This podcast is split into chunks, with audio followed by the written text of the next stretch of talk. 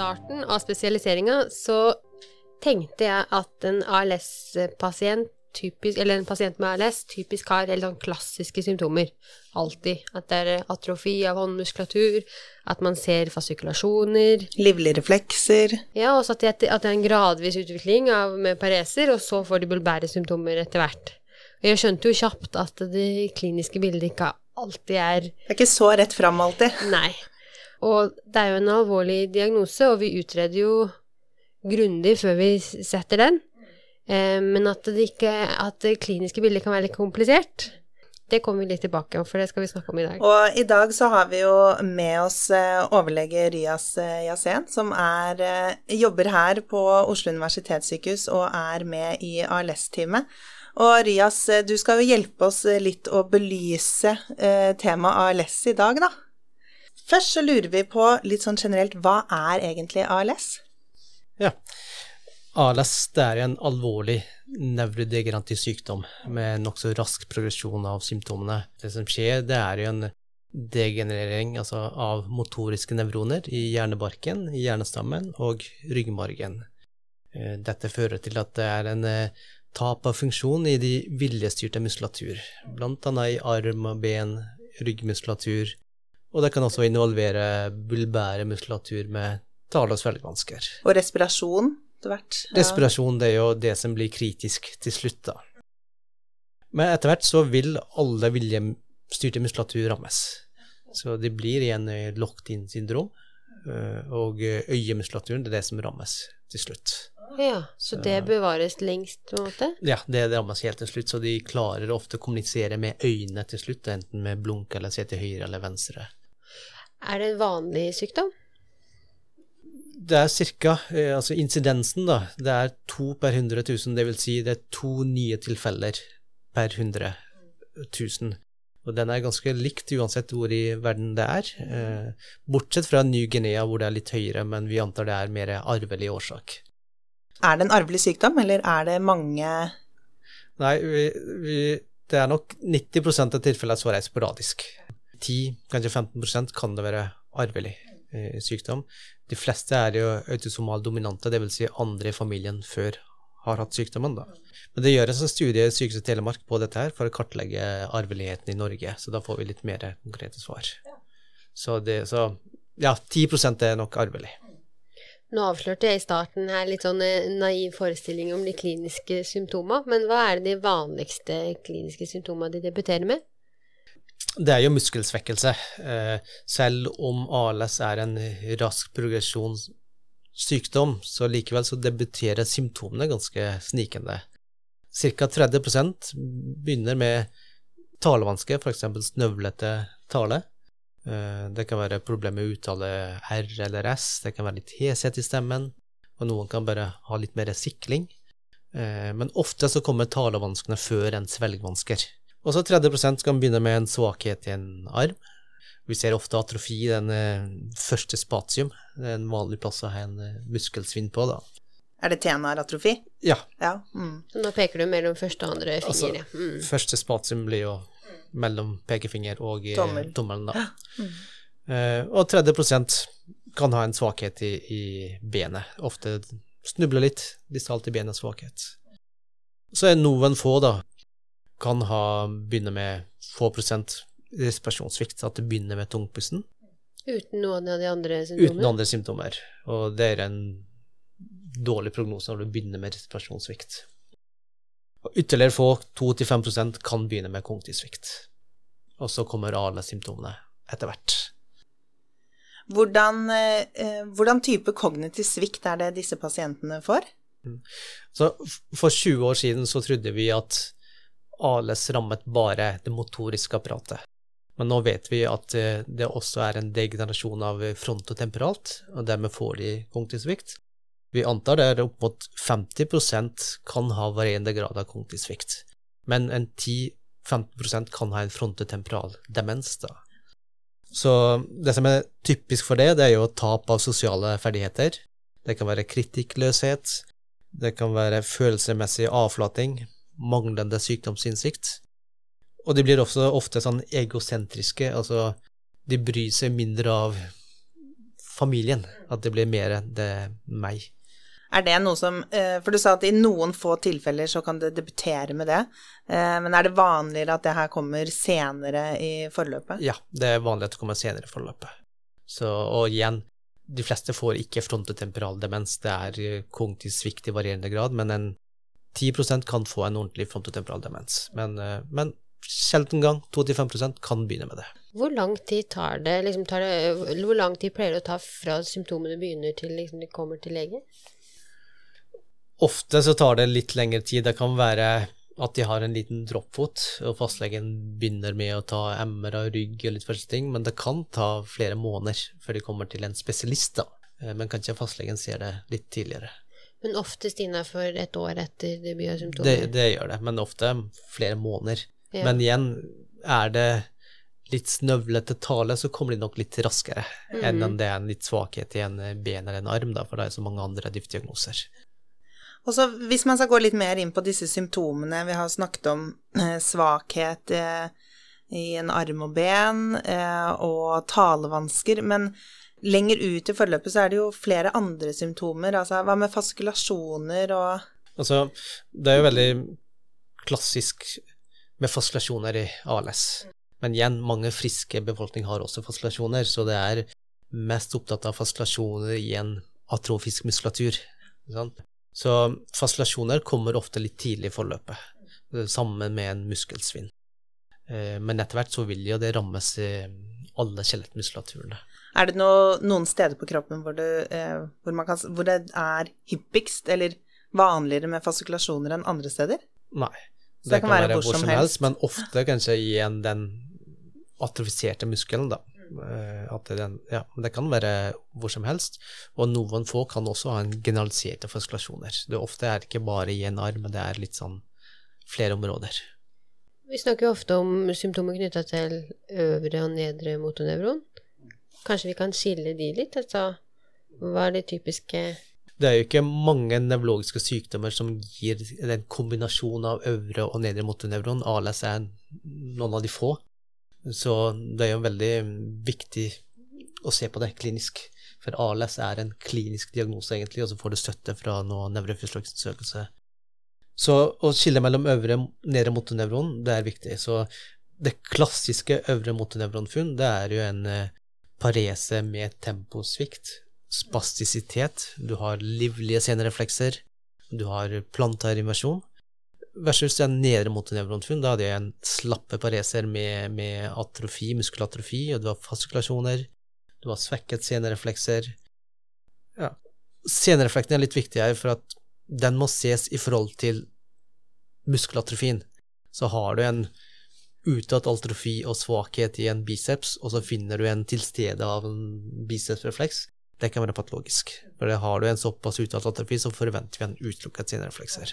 Det er den på en måte refleksen for sterk i forhold til hva du ville forventet. Muskelsvakheten, ikke sant, atrofien, så, så, det er viktig å sammenligne forhold til atrofien og svakheten. Og det blir vel det samme tempo, på en måte, at du, tempoet skal være redusert mer enn det paresen skulle til. Ikke sant, ved senter øvre motonevronfunn. Ja. ja. Og så snakker vi om uh, bulbære og pseudobulbæret. Så begge går jo på tale- og svelgevansker ofte, ikke sant bulbære, da er det en mer nedre motonevronaffeksjon. Eh, da har du en eh, muskelatrofi, altså tungatrofi med fascilasjoner og svakhet i tungen, men har du en spastisk tunge uten atrofi, men redusert tempo, da tenker vi det er en supranukleær årsak, og da ser vi det altså øvre motonevronfunn, og da er det en pseudobulbær affeksjon. Jeg leste et sted at man skil, altså at uh, dysertrien kan høres ulik ut om man har pseudobulbær eller bulbær ja. Er det liksom eh, Er det noe jeg på en måte Er det lett å høre forskjell, eller? Med litt erfaring så hører han litt forskjell der. Altså en, eh, en bulbær tale er jo mer snøvling, det er mer problem med uttale R og S, mens en, en søydebulbær, da har du en litt spastisk tale. Den er litt sånn treg, litt langsom tale. Så man hører en forskjell. Når man har litt, litt erfaring, ja. ja. Og så, hvor ofte har de funn fra både øvre og nedre motonevron ved debut? Eller ved første kliniske vurdering, da. Ja, det er ikke ofte de Altså, jo, når de har kommet langt kommet, så har de det, men noen kan jo begynne med bare nedre motornevron i en ben, og da kan man ikke være noe sikker på diagnose, da må vi bruke litt mer tid og, og utelukke andre årsaker, så må vi si at det blir noe mer utvikling. Eh, mens noen har veldig klassiske forløp med øvre og nedre motornevron i flere regioner, og da er det lettere å sette diagnosen. Og de, eh, når man setter diagnosen, så eller man opererer med både klinisk sikker ALS, og så forskjellig mulig ALS, og så usikker. Er det de tre, eller er det og ikke? Ja, fire. altså det brukes, det er noe som heter for LS-Corial-kriterier, eh, for å se på sikkerheten av diagnosen. Og den skiller Altså, vi har fire kroppsregioner. Altså du har hodet, hode, du har nakke, du har trokalt, og så har du lumbalt med benet. Eh, og da går vi systematisk gjennom kliniske funn med øvre motonevronfunn og nedre motonevronfunn i hver av disse regionene. Og har du tre regioner med både kombinasjon av nedre og øvre motonevronfunn, så har du en sikker ALS. Da er, du sik da er man helt sikker på diagnosen? Da er man sikker, ja. Og har du to regioner, så er det sannsynlig ALS. Har du én region med kombinasjon av øvre og nedre, så er det mulig ALS. Sånn, Jo mer for vi, Ved ALS så må det være litt flere regioner. Det må være progresjon av symptomer. Hvis du har da ved første bilde, eller første gang pasienten kommer til en spesialist, da, og så har du bare funn i én eller to regioner, så du er ikke sikker, hvordan gjør man det da? Venter man og ser, og Altså, har du to regioner, da er det sannsynlig, da informerer vi om diagnosen. eh, At det er sannsynlig. Eh, For at det er vanskelig klinisk å vente til tre regioner er fylt inn, for da kan det ha kommet en langkommet ALS. Så vi kan ikke vente på det. Så vi må informere allerede når vi har mistenker ALS, og det er ikke funnet noen andre årsaker. Dette er litt sånn forskningskriterier, og, og for å få en sikker diagnose, så har du kommet langkommet ALS ofte. Så vi må gi diagnosen før. har man noen, eh, noen andre ting man kan, har man noen andre ting man kan støtte seg på? Altså, vi har vært inne på nevrofysiologi. Altså, en ting til jeg må si, altså den kriteriene Du har et klinisk nedre motornevronfunn, ikke sant? Men du kan også legge vekt på nevrofysiologi. Så hvis du har en, en region med øvre motornevronfunn, og så har du nevrofysiologisk nedre motornevronfunn, så er det nok. Så vi vektlegger den nevrofysiologiske undersøkelsen også som en nedre motornevronfunn. Eh, ja, men det er en klinisk diagnose, og vi får støtte fra nevrofysiologi. Men så bruker vi etter hvert, har vi begynt å bruke MR-hode. Tidligere så var det mer for å utelukke ting, blant annet utelukke at det ikke er noe stor prolaps i nakken som tar både perifere nerver og eh, medulla som kan gi sentrale funn i bena. Men nå har vi også tatt MR. Vi kan se etter noe ALS-forandringer. Det er eh, Se på kortikospinale baner, det kan være opplad, altså høysignalforandringer der. Eh, Det er noen studier som viser at eh, du kan ha hjerneavleringer i motorkortex på en MAG-SVI-sekvens. Så vi her, her har vi begynt å ta MR på alle. Også med tanke på å forske litt Mm. på dette her etter hvert, da. Ja, så vi kan finne litt sånn tilleggsfunn da, som kan støtte diagnosen. Og undersøkelse av spinalvæske. Det er ikke noe rutine, altså har du klassisk kombinasjon av nedre- og motornevronfunn i tre, altså flere regioner, så trenger du ikke gjøre masse diffusdiagnose, men har du f.eks. bare én region med nedre motornevronfunn, da må du gjøre mer utredning. Det kan være spinalvæske med tanke på borrelia, det kan være blodprøver med tanke på MMN, multifokal nevropati, det kan være malignitetsscreening som kan gi paraneoplastisk nedre motornevronaffeksjon, så det er litt avhengig av klinikken hva vi utreder, det er ikke sånn standardpakke. Nei. Sant? Så Så det er en klinisk diagnose, og så har vi noen støttende Ja. undersøkelser.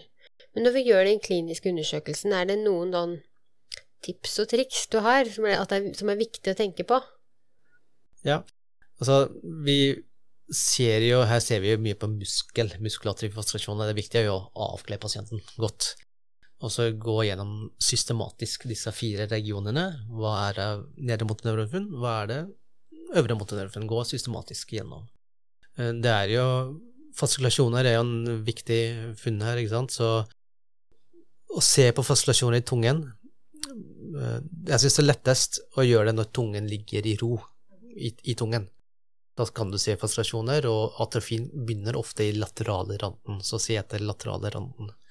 Og nå trekker ut tungen og se etter frustrasjoner, for da kan tungen bli litt urolig, og så kan du usikker er dette urolig, er det fascinasjoner, så er det en fordel å, å sjekke den når den ligger hvilt i tungen.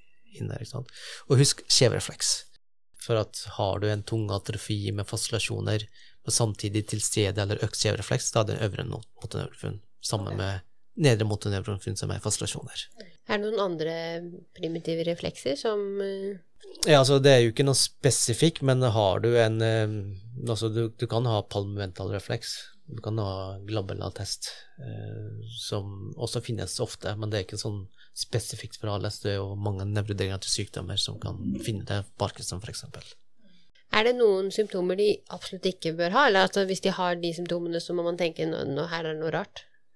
Ja, altså hvis det er sensorisk utfall, så man, for ALS det er motoriske nevroner, så da man tenker seg om. Autonome funksjoner, da man også tenker seg om. Og så klart, hvis en, du finner en uh, symptom og det ikke skjer noen progresjon i symptomene, eller til andre regioner, så må man også tenke seg om. Og så finnes det jo litt ulike varianter av motonevronsykdom. Hvis jeg skal se på hele gruppen så kalles jeg for motonevronsykdom, ikke sant? og ALS er den vanligste. Vi har PLS, altså hvis du bare har øvre motonevronfunn, altså verken klinisk eller nevrofysiologisk noe mye nedre motonevronfunn, og dette var, altså varer noen år, så kaller vi det for PLS. Primær lateral sklerose. Primær lateral sklerose, ja. Eh, de har en bedre, altså det går litt langsommere. De har en median overlevelse som er 13 eh, år enn en klassisk ALS. Og har du bare nedre motonevronfunn, så kaller vi for progressiv muskelatrofi. Har også litt bedre prognose. De har en median overlevelse syv år. Men har du kombinasjon av øvre og nedre motonevronfunn, da er det ALS som er det vanligste. Og den er klassiske ALS, hvor, eh, eh, hvordan er prognosen? Det er eh, to til fem år, mens 10% kan leve i over eh, ti år også. Litt avhengig av symptomdebut. Begynner det med en torakal muskulatur med respirasjonsvansker, så er levetid ett år. Så, men i snitt ALS to til fem år. Og sånn som progressiv bulbærparese? Ja, det er Vi sier bulbær ALS eller uh, spinal ALS, det er litt avhengig av hvordan de begynner. Så begynner det med bulbære symptomer, så kaller vi for eh, bulbær ALS, eller bulbær symptomdebut, da. Uh, mens begynner det med spinalt, så kaller vi for spinalt ALS. Og så progrederer de ofte til også, en klassisk Og så progrederer så de, de, som har en bulbærstart, vil jo komme en spinalsymptomer etter hvert, og omvendt.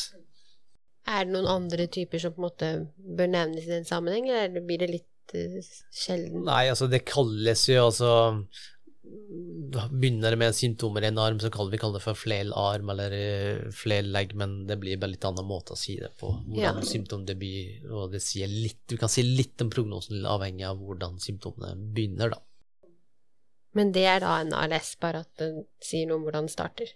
Vi har en variant monomelisk ALS, som er kanskje mer i asiatiske land. At du kan ha en motonevronaffeksjon i f.eks. oftest i en arm, og det progrederer etter år, to år, men så stagnerer det. Det blir ikke en generell ALS av, av det, som vi kaller det for monomelisk eh, ALS. Det, det er egentlig en fredeligere variant av at det stopper. Men det er mye mer i, i Asia enn her. Vi snakka jo litt om at en del av at det er pusten som det blir vanskelig med etter hvert. Og da er det en del av de som har behov for som får eh, non-invasiv ventilasjonsstøtte? Ja.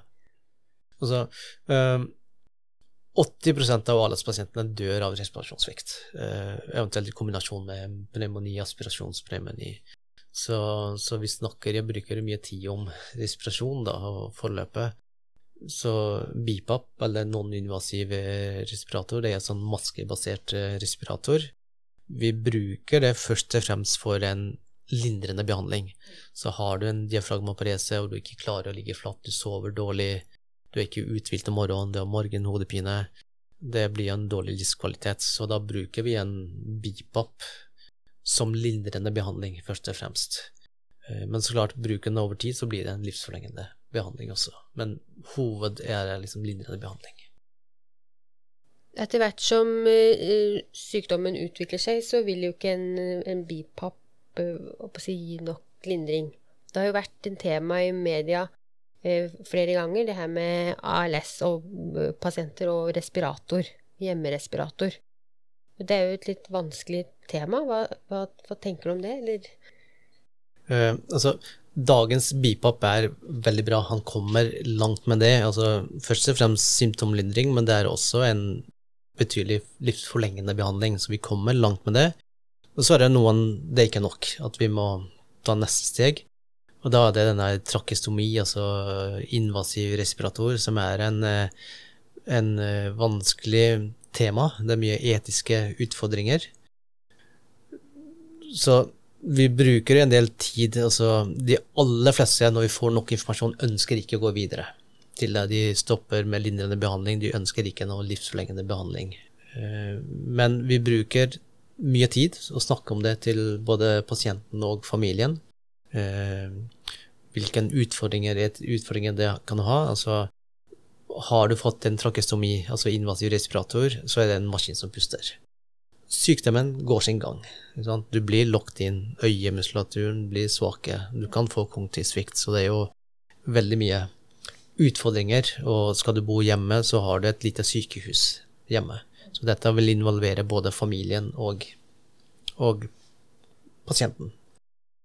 Så vi snakker mye om hvilke utfordringer det kan være. Som sagt, de aller fleste velger nei. Så det er noen få kan være egnet for det, og da legger vi til rette for det. Eh, men vi må også, skal vi gå inn i dette her, så må vi også vurdere stoppkriterier. Når skal vi stoppe? En, eh, mange sier at når vi ikke kan kommunisere med det, så vil jeg ikke fortsette. Eller hvis jeg vet at det er en sikker kontinuitetssvikt, så vil jeg også stoppe. I Norge så er det lovlig å avslutte en respiratorbehandling når vi først har begynt. Og da har vi egen prosedyre for det, med CD-ende medikamenter og sånt. Så de aller fleste velger ikke det. Noen få vil ha det, men dette er en stor tema som man kan snakke mye om. Og, og sikkert vanskelige samtaler? Det er vanskelige samtaler som, eh, som man bruker god tid på å snakke med pasienten og pårørende og repeterende samtaler, og ikke minst alle utfordringene tilknyttet til det. Det er jo en veldig alvorlig diagnose, og, og det å skulle gi den beskjeden til en pasient, det må jo Eller hvordan, hvordan gjør man det på en så god måte som mulig? Ja, det er absolutt Det er en svært alvorlig eh, diagnose å gi. Vi gir det ikke poliklinisk og sender dem hjem, for en, de får ofte en sjokk, så vi legger dem Når vi mistenker det er utredning, så legger vi dem inn for utredning og diagnose. Så når vi gir diagnosen, så da er det en lege som kjenner, og ofte en erfaren lege også. Eh, jeg anbefaler at pasienten har med sin nærmeste pårørende. Vi har med også en eh, postsykepleier og en rolig omgivelse uten noen forstyrrelse med telefoner og callinger. Så informer om diagnosen. Det er alltid greit å vite hvor mye vet pasienten fra før. Eh, noen vet ingenting, du vil bare vite litt og litt, vi gir dem litt gradvis informasjon. Noen vil vite mye med en gang, så litt avhengig av hva de vet fra før. Noen får en krisereaksjon, så vi har en psykiatrisk sykepleier som også er med på ALS-teamet, som kan kontaktes og vet at vi skal gi diagnosen og være tilgjengelig. Eh, etter diagnosen så skal postsykepleieren ha en samtale senere også, bare for å fange opp reaksjoner. De skrives ikke ut samme dagen, ny samtale dagen etter, og da blir det introdusert ALS-teamet, og ALS-koordinator, så de får litt sånn skriftlig informasjon, etter hvert så har vi også lagd en perm, en fyldig perm, ALS-perm, hvor de legger inn tilpasset informasjon om sykdommen. Uh, ikke alt med en gang, men det som det er behov, da.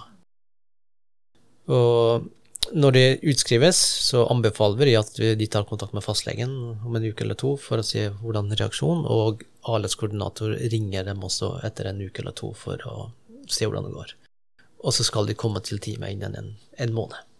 Så én ting er samtalen, men, men den oppfølginga etterpå virker jo som på en måte man har lagt også veldig mye vekt på, da. Det er lagt en plan på dette her. Mm. eh, Både samtalen, og så skal vi kartlegge om det er barn, vi skal ta vare på pårørende. Kanskje pårørende trenger en egen samtale med psykiatrisk sykepleier eller sosionom, så det er en opplegg rundt dette her.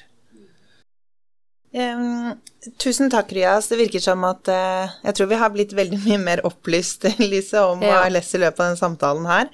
Uh, er det noe du føler for å spørre Rias om nå helt på slutten? Er det noe, eller Rias, er, føler du at det er noe vi har glemt å ta opp som er viktig? Vi må huske at ALS det er en veldig alvorlig sykdom. Det rammer ikke bare pasienten, det rammer hele familien. Det kan være barn der, så vi må tenke på hele familien, og ikke bare Pasienten. pasienten. For det, det er en sykdom som rammer hele. Nei, men eh, da sier vi tusen takk for at du kom, Rias. Bare hyggelig.